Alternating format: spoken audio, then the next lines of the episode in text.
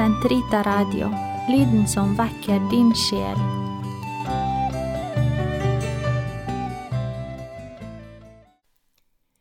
Karmels hage episode 41 Elisabeth av treenigheten del 4 La oss miste oss selv i den hellige treenighet, i den Gud som kun er kjærlighet. La oss bli båret av ham til de himmelske saler der bare Han er, bare Han. Be om at vi skal bli hellige, slik at vi kan elske ham med den kjærligheten som helgenene elsket ham med. La oss være forenet ved korsets fot og være helt stille sammen med den guddommelige korsfestede og lytte til Han. Han kommer til å avsløre sine innerste hemmeligheter for oss. Det er Han som skal føre oss til Faderen. Det er Elisabeth av treenigheten som skriver dette, denne oppfordringen som også er til oss. Elisabeth levde et kort liv i Dijon mellom 1880 og 1906, hvor hennes siste fem år var i Karmelittklosteret der. Hun døde av Addisons sykdom etter et forferdelig smertefullt sykeleie. Hennes minnedag i kirken er 8. november, så vi bruker noen programmer i denne måneden til å bli bedre kjent med henne. Hun etterlot seg 400, over 400 brev, hvorav to tredjedeler var til legfolk, venner og familie, samt noen retrettnotater skrevet til sin søster. Jeg leser i disse programmene et utdrag av et kapittel om henne som jeg har skrevet i boken om Karmels spiritualitet, som kommer på St. Olav forlag en gang i 2022. I dag vil jeg gjerne gjennom Elisabeth av treenighetens liv og skrifter søke å trenge ned i de svimlende dybder som finnes i eukaristien. La aldri mottagelsen av Jesu Kristi legeme bli en vanesak. Nei, hvordan kan himmelen på jord bli rutine? Det som er det største øyeblikk i våre menneskeliv. La Elisabeth undervise deg. La oss først be sammen. Kom, Hellige Ånd, fyll dine troendes hjerter og tenn i dem din kjærlighetsild, du som gjennom de mangfoldige tungemål samlet alle folkeslag til troens enhet. Send ut din ånd, og alt skal bli omskapt, og du fornyer jordens åsyn. La oss be. Gud, du har opplyst de troendes hjerter ved Den hellige ånd. Gi oss at vi ved din ånd kan glede oss over det som er rett, og alltid bli lykkelig ved Hans trøst. Ved Kristus vår Herre. Amen. Elisabeth av treenigheten, et eukaristisk menneske. Vi har nå gjennom tre programmer forhåpentligvis fått litt innsikt i hvordan Elisabeth var fullkomment fokusert på Guds kjærlighet gjennom den kontemplative bønnen. En bønn som for henne ofte foregikk i en avgrunn av stillhet og tillit. Og idet hun rusjet utenfor avgrunnens utforbakke, visste hun at Guds armer skulle ta imot henne. Men hvor finner så denne bønnen sin dypeste kilde? Til Ab Chevignard skriver hun, For meg ser det ut til at ingenting kan uttrykke Guds kjærlighet bedre enn eukaristien. Den er forening, fullbyrdelse, Han er i oss, vi i ham. Er ikke det himmel på jord? Det er i denne eukaristiske virkeligheten at hennes åndelige liv utfolder seg, og denne virkeligheten strekker seg ut over det å motta kommunionen. I Guds radikale smeltedigel forvandles det egenrådige og temperamentsfulle barnet Elisabeth til Guds villige redskap. Hun forvandles til en sjel som bare ønsker å gjøre Guds vilje Gjennom eukaristien ber hun om selv å forbli et sakrament, og i lys av Guds vilje kan hun se på enhver situasjon som et troens sakrament. I et brev skriver hun, Hvordan kan man lovprise Gud? Det er ikke vanskelig, for Gud avslører hemmeligheten når Han forteller oss, Min mat er å gjøre viljen til Ham som har sendt meg. Johannes 4, 34 Derfor, hold dine armer fast rundt ethvert uttrykk for Mesterens vilje, som er verdig tilbedelse. Se på hver eneste smerte, så vel som hver eneste glede, som om det var kommet direkte fra ham, og ditt liv vil bli en uavbrutt kommunion, fordi alt vil bli et sakrament som gir Gud til deg. Og hva er det som gjør en slikt høyflyvende mystikk trygg? Hva er det som hindrer henne i å falle i subjektivismens eller narsissismens mørke hull? Jo, nettopp en urokkelig avhengighet av Jesus Kristus, inkarnert og kontinuerlig til stede i kirken gjennom sitt ord og i, ikke minst, eukaristien. Med denne forankring kan Elisabeth la seg rive med i sakramental tilbedelse. Kan hun snakke om sitt indre som en sjels himmel, og råde sin mor, sin søster, sine venner om å lukke seg inne i sin sjels himmel der Gud bor. Og denne åndeligheten kan være til en slik ufattelig glede for den som ikke kan komme til messe så ofte som han vil. Ja, Gud har tatt bolig i mitt indre, og jeg kan være med ham der i bønn og stillhet. Ja, hvilken mor har ikke gledet seg over Elisabeths råd om, på tunge så vel som vakre dager, å se på sine små barn som, som små tabernakler der treenigheten bor. Intet det dette blir, når det står i en eukaristisk sammenheng, flukt fra verden.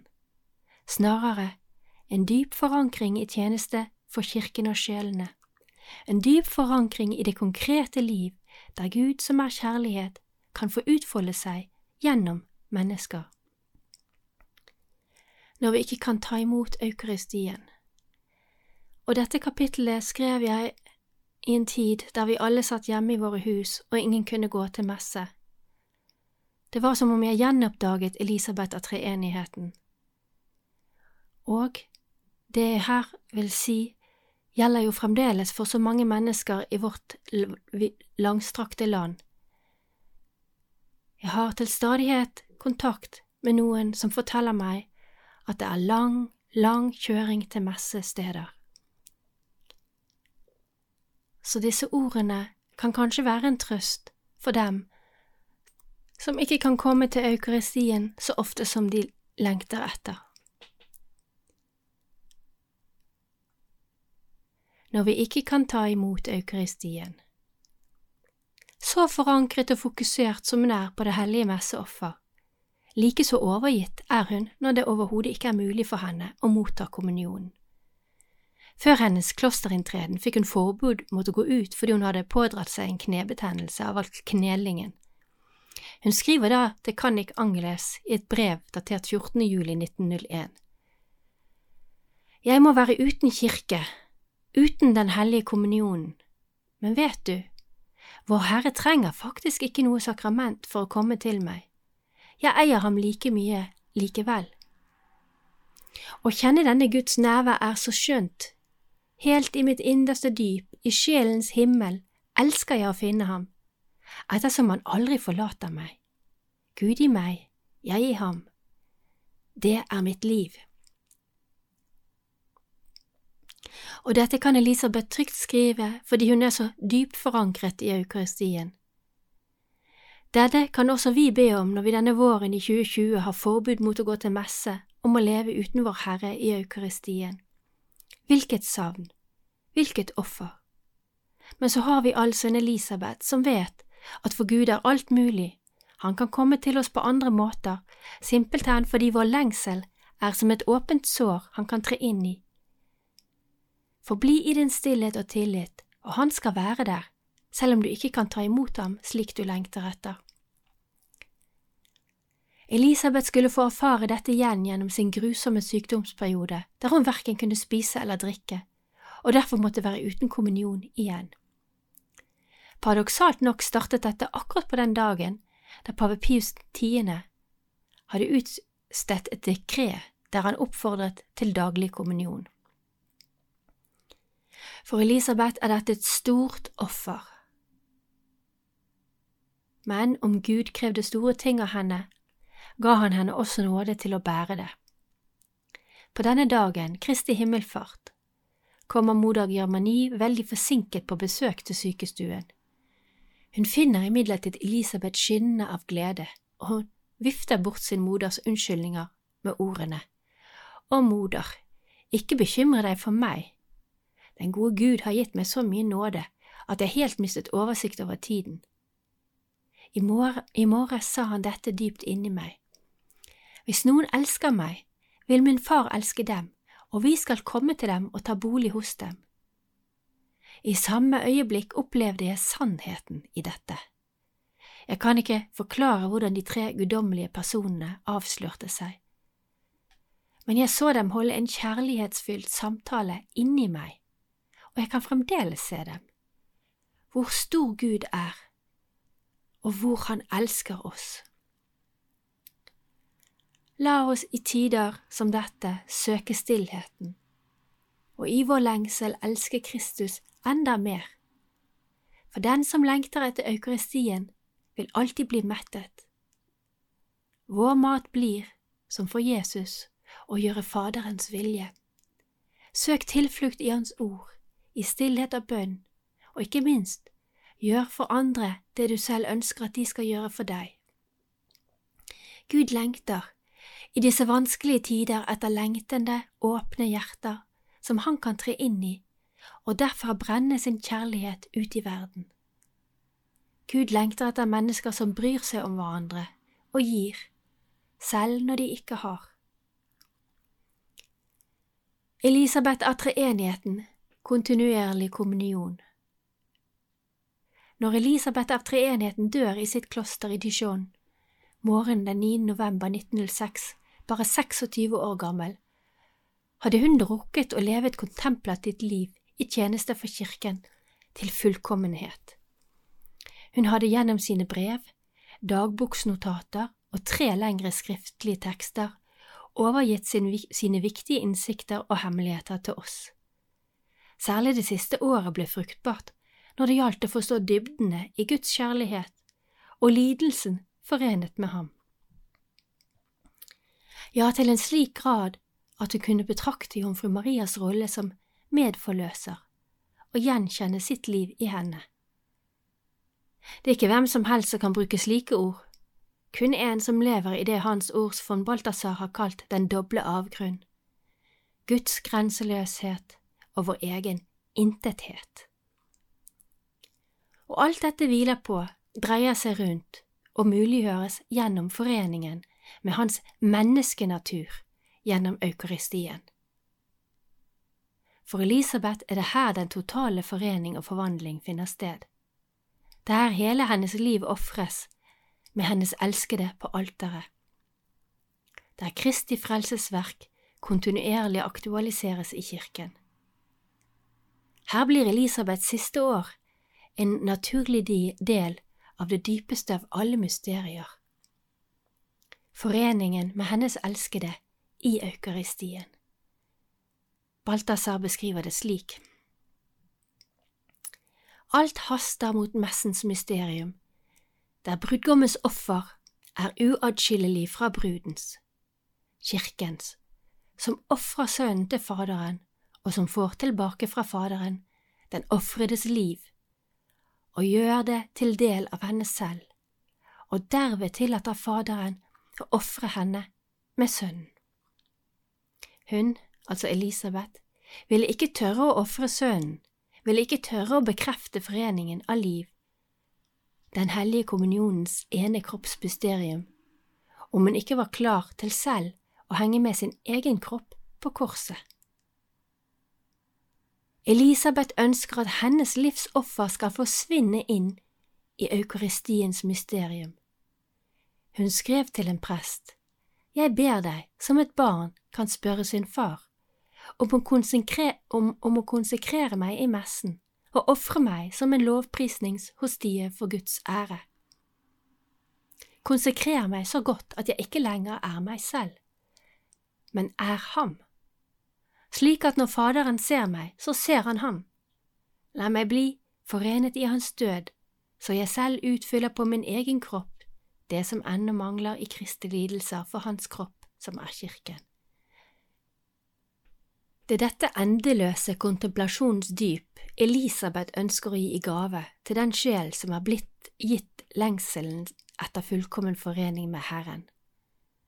Ja, la oss lytte vel til hennes budskap om kontinuerlig kommunion, for det er en forsmak på himmelen. Kommuniser med ham hele dagen siden han lever i din sjel. Lytt til hennes råd og trøst som vi kan ta med oss i hverdagens strev. Gud er ånd når vi går ham i møte gjennom troen. Innse at din sjel er Guds tempel. Det er igjen Paulus som sier dette, at de tre himmelske personer bor i deg, i hvert eneste av dagens øyeblikk. Du eier ikke Guds menneskenatur slik som når du mottar kommunionen, men du eier den hellige guddom, essensen av hva de salige tilber i himmelen, er i din sjel.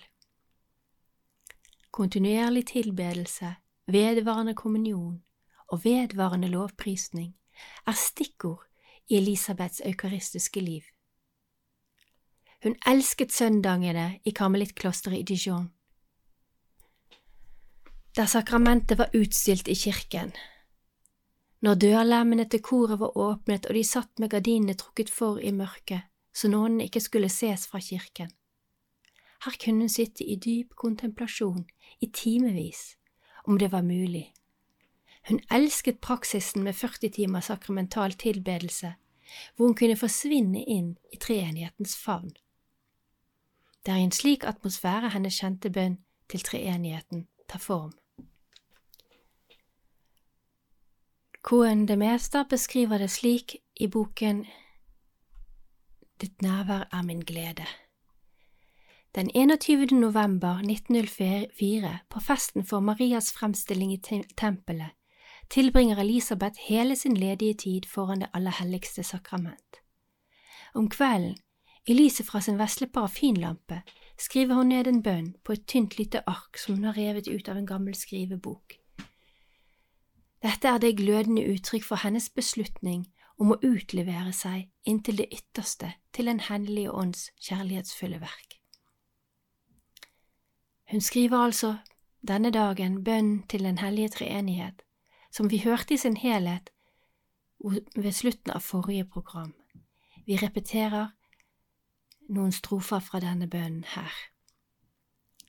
Derfor ber jeg deg å ikle meg, deg meg selv, og forene min sjel med hver eneste bevegelse i din sjel, og la meg nedsenkes i deg, treng inn i meg, sett deg selv i mitt sted, slik at mitt liv ikke blir noe annet enn en utstråling av ditt liv, og fortærende ild, kjærlighetens ånd, kom over meg slik at ordet blir til kropp enda en gang i min sjel.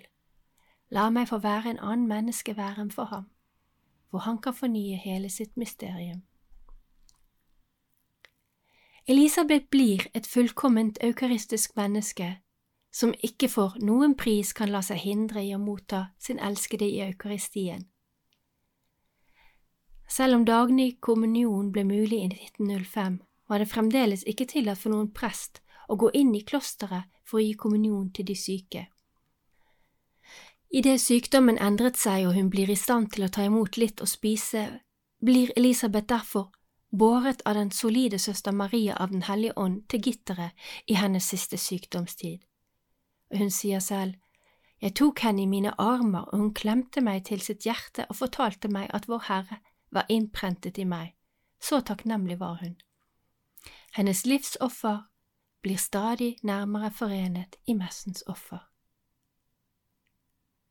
Elisabeth ønsker ikke å skremme oss med lidelse, med tanken om at å følge Gud skal være noe vanskelig. Hun vet fra dypet av sin erfaring at det som kan synes krevende, kun er midlertidig og kun skal lede ett sted, til den svimlende gleden og kjærligheten i treenighetens midte. Fordi hun har erfart dette, er det intet annet hun ønsker seg for sine kjære, og også for oss. Derfor kan vi stole på hennes råd og ta dem for alvor. La oss derfor i dag avslutte med den oppfordringen hun kom med til en venn i et brev. Lytt og ta til deg det du kan fra en ung kvinne som vevet sitt liv med gulltråd. Jeg leser fra Ditt nærvær er min glede, side 58. La oss sammen gjøre våre dager til en vedvarende kommunion. La oss om morgenen våkne opp i kjærlighet, og la oss gjennom hele dagen hengi oss til kjærligheten. For det er det samme som å handle etter Guds vilje, i Hans påsyn, med ham, i ham og for ham alene. La oss gi oss selv hele tiden, så Han kan forme oss i sitt bilde. Og når kvelden faller på, etter uavbrutt å ha ført en kjærlighetens dialog i våre hjerter, så la oss nok en gang sovne inn i kjærligheten. Amen. Hellige Elisabeth av treenigheten, be for oss.